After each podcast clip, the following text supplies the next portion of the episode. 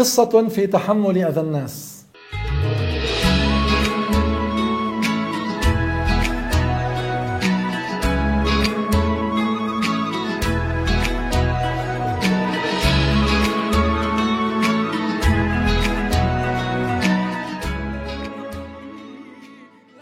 الحمد لله وصلى الله وسلم على رسول الله.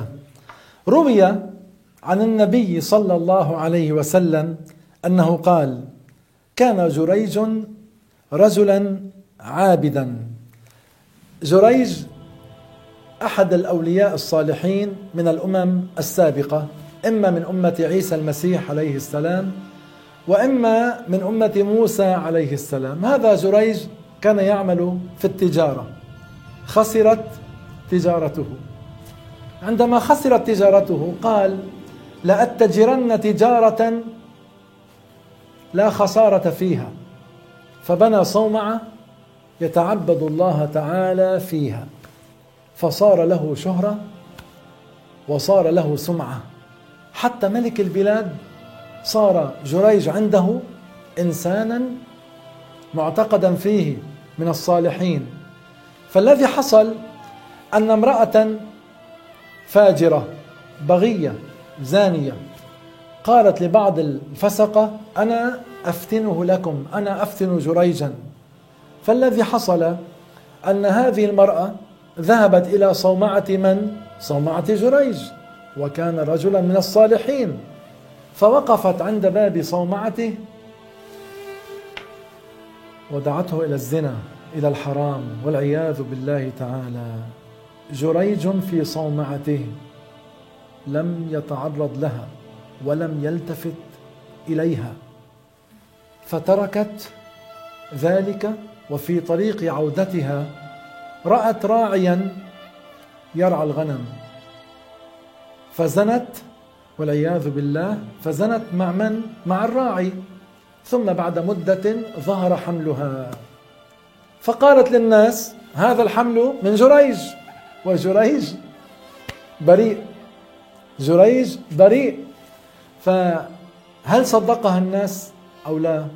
عندما وضعت المولود صدقها بعض الناس فقالوا هذا جريج كنا نعتقد فيه أنه من الصالحين.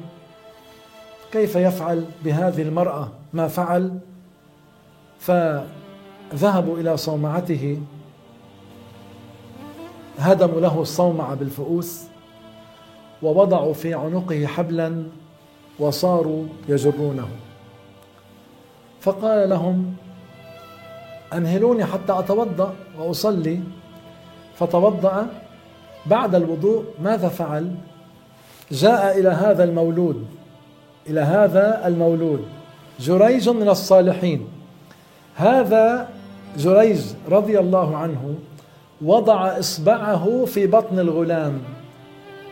وقال جريج قال يا غلام من أبوك؟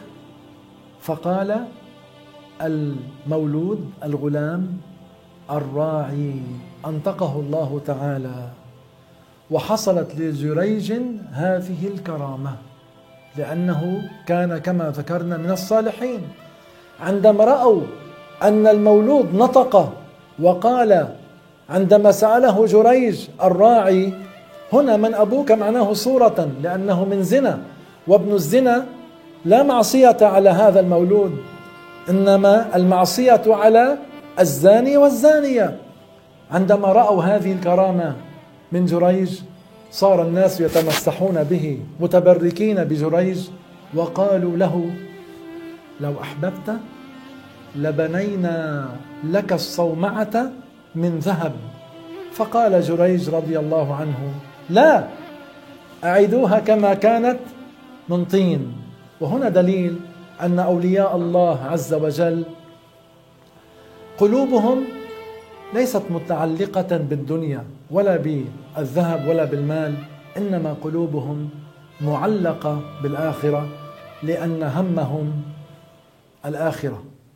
فالذي حصل أن جريج عندما كانوا يجرونه بعد أن وضعوا في عنقه الحبل رأى نساء مومسات فتبسم.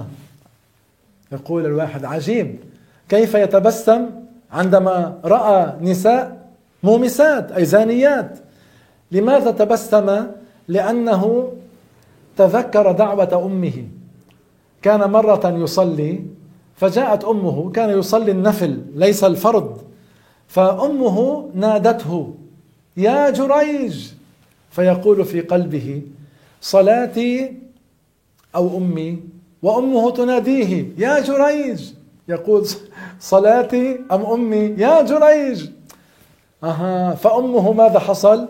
أمه دعت عليه. ماذا قالت أمه؟ قالت أمه اللهم اللهم لا تمته حتى تريه وجوه المومسات. اللهم لا تمته حتى تريه وجوه المومسات. فعندما رأى المومسات تذكر دعوة أمه. هو كان يصلي النفل. ولعلكم أيضا تعرفون أن لا يجوز قطع صلاة الفرض. أما قطع النفل في مذهب الإمام الشافعي رضي الله عنه يجوز قطع صلاة النفل وصيام النفل لكن ترك ذلك أحسن. على كل حال ذكرنا هذه القصة في بيان آه، تحمل اذى الناس وأن الواحد منا لن يسلم من كلام الناس. فقد قيل رضا الله غاية لا تترك ورضا الناس غاية لا تدرك فأدرك ما لا يترك واترك ما لا يدرك. إذا أصلحت ما بينك وبين ربك فلا تبالي بما وراء ذلك. كن مع الله ولا تبالي. مع موضوع جديد في حلقة قادمة بإذن الله تعالى كونوا معنا. والسلام عليكم ورحمة الله تعالى وبركاته.